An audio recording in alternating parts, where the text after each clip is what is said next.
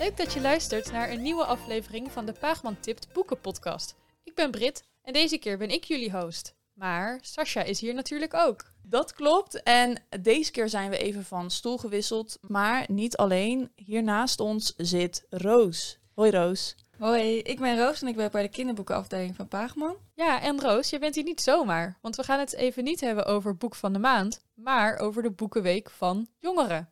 Want in deze week, van 17 september tot en met 26 september, kan je weer de geschenkbundel 3 pak ophalen bij Paagman. Dit jaar is het geschenk geschreven door Galit Boudou, Aimee de Jong en Splinter Chabot. Ja, en ik vind het echt heel goed dat het niet meer Boekenweek voor jongeren is. Oh, ja. vertel. Ja, ik ga het gewoon even deze rant houden. Want ik vind dat jongeren prima zelf kunnen beslissen wat zij willen lezen. En ik ben eigenlijk wel helemaal klaar met vooral oudere mensen binnen de boekenwereld die zeggen dat jongeren niet meer lezen. Want dit tij is echt wel gekeerd. Hashtag BookTalk, natuurlijk. Ja, boektalk, belangrijk. Ja, maar als jij nu vastloopt welk boek je wil lezen, dan kunnen Roos en ik je in deze podcast helpen. Inderdaad, we hebben een soort spel gecreëerd waarbij jij kunt kiezen per karakter welk boek het beste bij jou past. Nou, laten we dan vooral beginnen.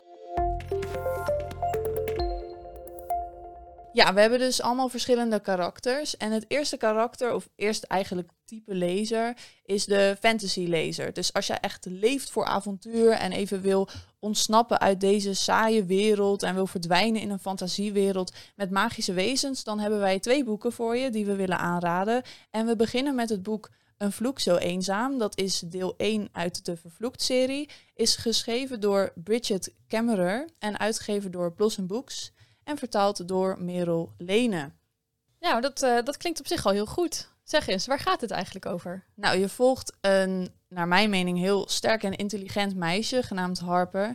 En zij heeft ja, een hersenverlamming, cerebral palsy heet dat in het Engels. En eh, zij wordt per ongeluk getransporteerd van het moderne Washington DC, waar zij leeft, naar een magisch land. Dus dat heet Emberval. Als dat zo klinkt, dan denk ik dat is de ultieme droom. Ja, dat klinkt, dat Klinkt wel meteen eh, ja, Echt. heel soort magisch, gezellig. Ja. Of is het niet gezellig? Nou, daar woont dus prins Ren. En hij is de troonopvolger van Emberval. Maar hij is vervloekt. Waardoor hij, nou, elke herfst, Roos, volgens mij is dat elke herfst van zijn Ja. achttiende levensjaar, moet hij dat steeds die herfst op, opnieuw beleven. Eh, en er is maar één manier om de vloek te verbreken. En dat is natuurlijk true love. Maar hij is dus altijd 18. Ja, toch? Ja, hij Ja, is hij altijd van- 18. 100 jaar 18, 50 jaar 18? En Ik zou dat niet overleven hoor, Nee. 100 jaar 18. En hier komt het herkenbare, want elke keer aan het eind van de herfst verandert hij in een verschrikkelijk monster. Nou, Dat klinkt bekend, hè? Ja. Dit is ook een Beauty and the Beast her- hertelling. En eh, het is weer net even wat anders, want de Beauty, in dit geval Harper, ehm, heeft dus cerebrale parese. Wat een houding of bewegingsstoring is die wordt veroorzaakt door een beschadiging aan de hersenen. En ik vind het heel erg tof dat Harper, ondanks haar handicap, zich hier niet door laat tegenhouden. Dit soort diversiteit zien we nog maar heel weinig in dit soort boeken. En daarnaast lees je het boek zowel vanuit Harper als Ren en richt de nadruk niet super op het romantische vlak. ja, Dus het is ook niet dat, soms heb je wel eens met van die boeken of zo, als het over gehandicapte mensen gaat, dat als ze naar een andere wereld, dat dan hun eh, beperking weg is of zo, toch? Nee, Weet je wel, dat ze nee, dan opeens nee. niet meer blind zijn of niet meer, dat is... Nee, is, eh, nee. en het belet er af en toe ook echt wel, maar Ja. ze laat zich er niet door tegenhouden. Ja. Oké, cool. Ja, en eh, er zit echt heel veel actie in. En zeker de laatste honderd pagina's die kan je gewoon niet meer wegleggen.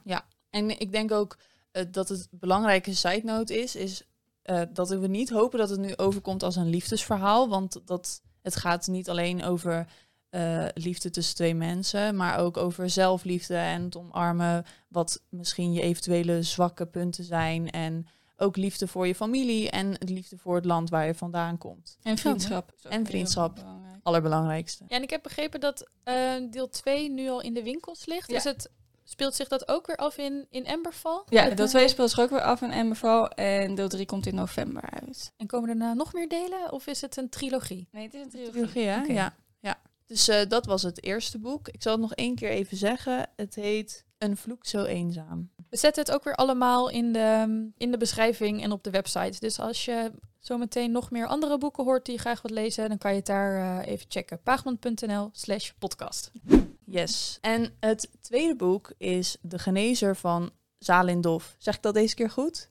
Ik denk het. Ja, ik butcher het heel vaak volgens mij. Zalindov. Zalindov. En dat is deel 1 van de Genezer-serie. Het is geschreven door Linette Noni. En het is uitgegeven door uitgeverij Boekerij en vertaald door de vertaalzusjes. Ja, dat klinkt echt zo Ja. gezellig, de vertaalzusjes. Ja, je zal maar allebei dezelfde passie hebben. Ja, dat lijkt me echt top. Nou, in dit boek volg je de 17-jarige Kiva. Eh, zij zit gevangen in een ja, nou, verschrikkelijk gevangenis, dat dus Salindov heet. Eh, en ze zit daar omdat zij genezende krachten heeft.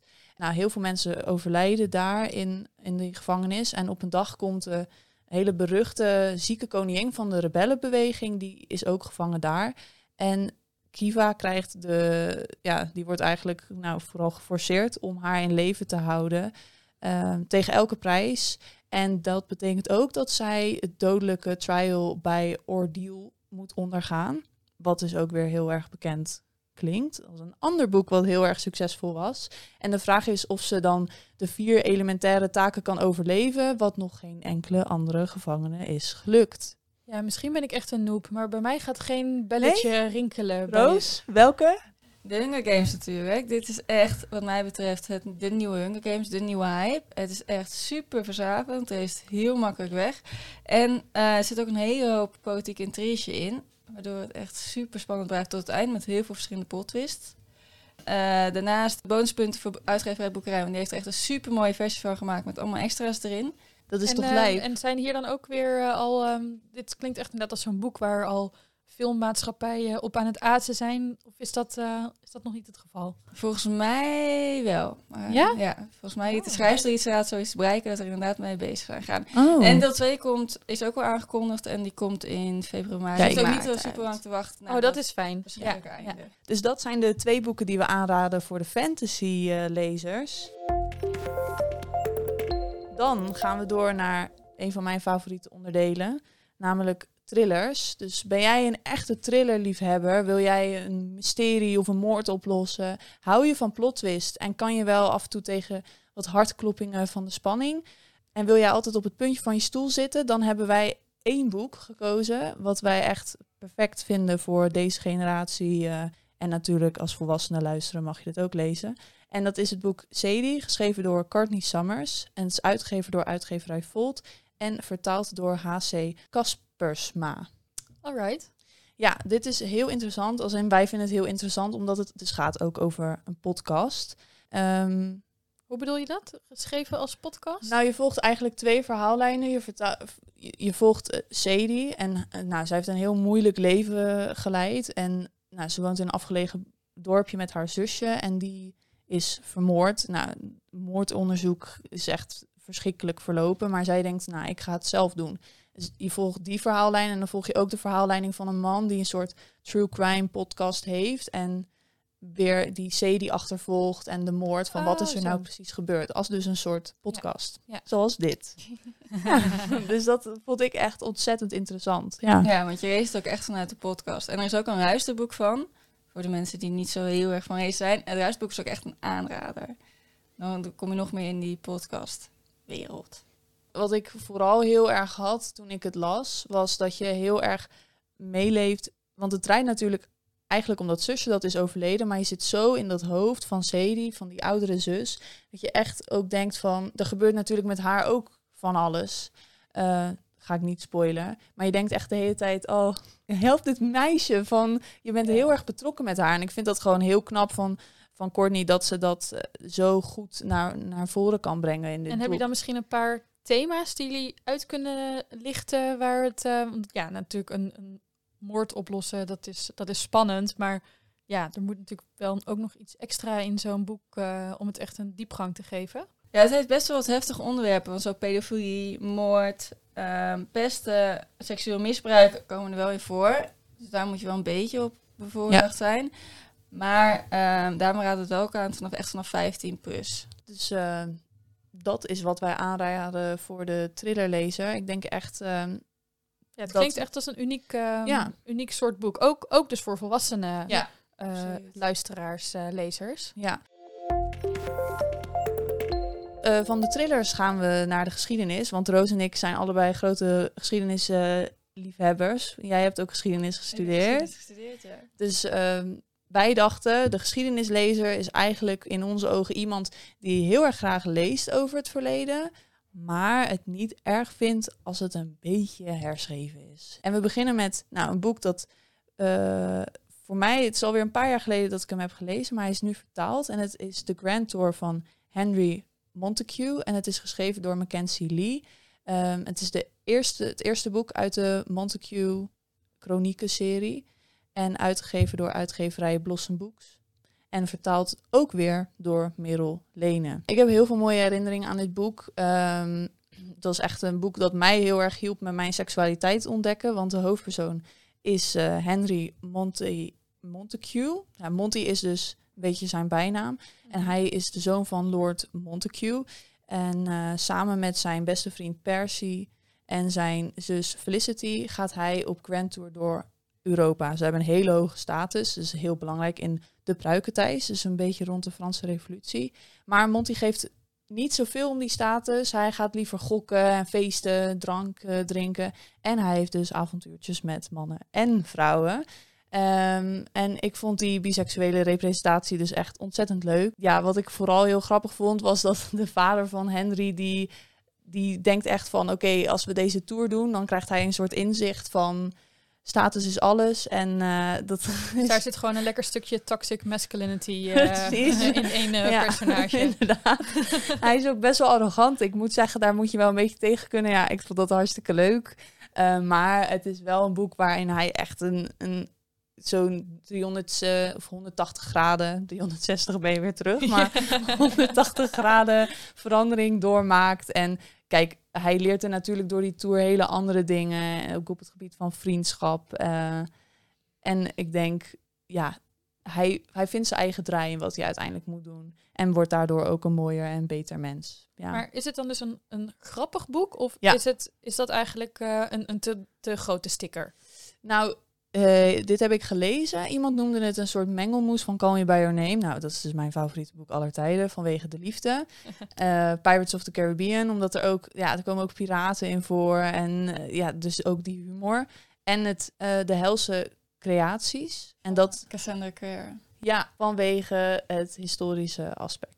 Dus ja, het is denk ik een goede mengelmoes van alles. En ik heb het idee dat er best wel veel geschiedenisboeken of, of, of zeg maar young adult boeken met een geschiedenisrandje um, uitgegeven worden. Is dit dan voor wat voor specifiek soort geschiedenislezer zou je dit uh, omschrijven? Maar is het uh, ja. toch wel voor iets, iets jonger? Of? Uh, nou, vanaf een derde jaar zou ja, ik het een beetje zeggen. Dat kan prima. En het is gewoon leuk, denk ik, voor de. Het is natuurlijk ook een queer uh, representatie voor geschiedenis. Wat je dus in je geschiedenisboeken heel weinig leest. Ja, dus eigenlijk ook een leuke verbinding tussen dat wat je echt op school bij geschiedenis leert en ja, eigenlijk onze moderne ja, ja, opvattingen die waarschijnlijk ook in die tijd natuurlijk ook wel uh, ja, gebeurden. Ja, precies. Ja, ja nou goed gezegd. dat is leuk. het inderdaad.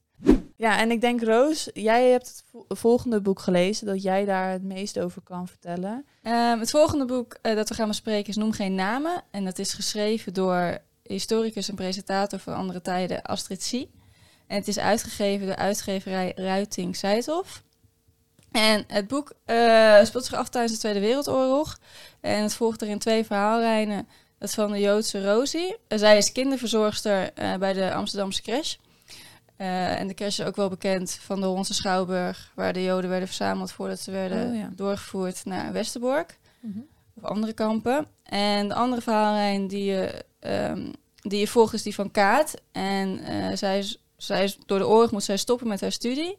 En uiteindelijk komt zij in een verzetsgroep terecht, um, waar zij onderduikadressen en pleegouders zoekt voor de Joodse kinderen die worden weggesmokkeld uit de Joodse crash. En uh, het is een heel indringend verhaal over een stel jonge mensen, ze zijn 18 tot en met 20, die alles op alles zetten om, uh, om deze kinderen te redden. Ja. En wat je heel erg merkt, het boek over de Tweede Wereldoorlog het nog steeds heel erg goed doen. Die blijven heel erg populair. En dit boek is absoluut eentje die niet in je kast mag ontbreken. En je merkt dat Astrid C. heel veel onderzoek heeft gedaan. Dus ze heeft tien jaar in de archief gezeten. Ze heeft nog interviews afgenomen met die verzorgsters die de oorlog hebben overleefd. Wauw. En eh, echt alle emoties passeren in het boek. Bijzonder. Ja, het is heel bijzonder. En het, ook voor volwassenen is het echt heel goed geschreven. Ook wel leuk dat dit een van, ja, toch ja, Nederlandse young adult eh, blijft soms toch een beetje een ondergeschoven kindje. Ja, absoluut. Dat is heel erg jammer, want dit laat ook zien dat het echt wel eh, dat er genoeg Nederlandse young adult auteurs zijn. En dat is wel een beetje zo nu de, de laatste generatie waar we nu nog vragen aan Ja. kunnen stellen ook. Nou, Ja, aanrader. bijzonder. Ja. Dit is dus meer, dit is wel meer gebaseerd op geschiedenis. ja, we hadden het dus over Noem geen namen van Astrid Sie. Ja, dan het laatste onderdeel, of eigenlijk eh, is de karakter. het laatste karakter. Dat is toch iemand die een beetje houdt van hedendaagse, ja, ze, ze noemen dat altijd op Booktube eh, contemporary boeken met romantiek erin. Dat is toch een beetje ook ons ding. Dus je houdt van verhalen over echte mensen. Dus die je hart doen kloppen. En een happy ending kan er ook altijd wel in. Waarbij je laat zien dat alles goed komt en dat, je, dat alles mogelijk is. Dat je kunt zijn wie je kunt zijn. Ja, het is een beetje gewoon romcom dus wel. We- eh, ja, dat, romcom. En ehm, dan beginnen we met het boek Mijn Nacht met Verder. Geschreven door Buddy Tegenbos. En het is uitgegeven door uitgeverij Best of Young Adult. Eh, Ook een Nederlandse auteur dus. ook, toch? ja, dus ook een Ja. Nederlandse auteur. En stel je vindt lezen niet zo leuk. Het is een soort XS-serie die ze nu aan het maken zijn. Waarbij je binnen nou, wat 150 pagina's gewoon echt een goed, rond, young adult verhaal kunt lezen. Het boek is ook maar een tientje. Dus als je echt eh, iets heel moois zoekt, dan is dit... eh, Echt een instap-exemplaar. Dus, Ja. ja, het is eigenlijk een nachtelijke roadtrip die je helpt bij het verwerken van je verlies. Want je volgt Noor en zij is haar vader verloren. En ze heeft hier dagelijks heel veel moeite mee. Ze voelt zich ook schuldig als ze dan even niet aan hem denkt. Nou, dat is heel herkenbaar. En eh, ze wil niemand het gevoel geven dat ze hem vergeet. En nou, ze is een beetje verdwaald in de verlies. En op een dag of op een nacht klopt eh, verder bij haar slaapkamerraam aan en neemt haar mee op zijn Harley. En dan gaan ze naar allemaal bijzondere plekken toe. En is dan het lettertype ook, ook groter bijvoorbeeld? Eh, Is het eh, nee, niet per se. Nee, makkelijkere zinnen of het is gewoon wel, wel vooral... vlottere zinnen. Ja, Maar Buddy Tegenbos heeft sowieso een volte schrijfstijl. Ja. Dus ook zijn dikkere boeken, die zijn eh, die lees je Heel toegankelijk. heel toegankelijk, zowel voor jongens als voor meisjes. En je mag hem ook voor je Nederlandse reis lezen. Oh ja? Dus ja, het is een Nederlandse auteur, dus dat is ook heel fijn. ja dus eh, zeker een aanrader. Het is wel een heftig boek, gaat over verlies. Maar ja, ik denk, we krijgen er allemaal mee te maken in ons leven. En dat het een belangrijk thema is eh, waar we over moeten lezen.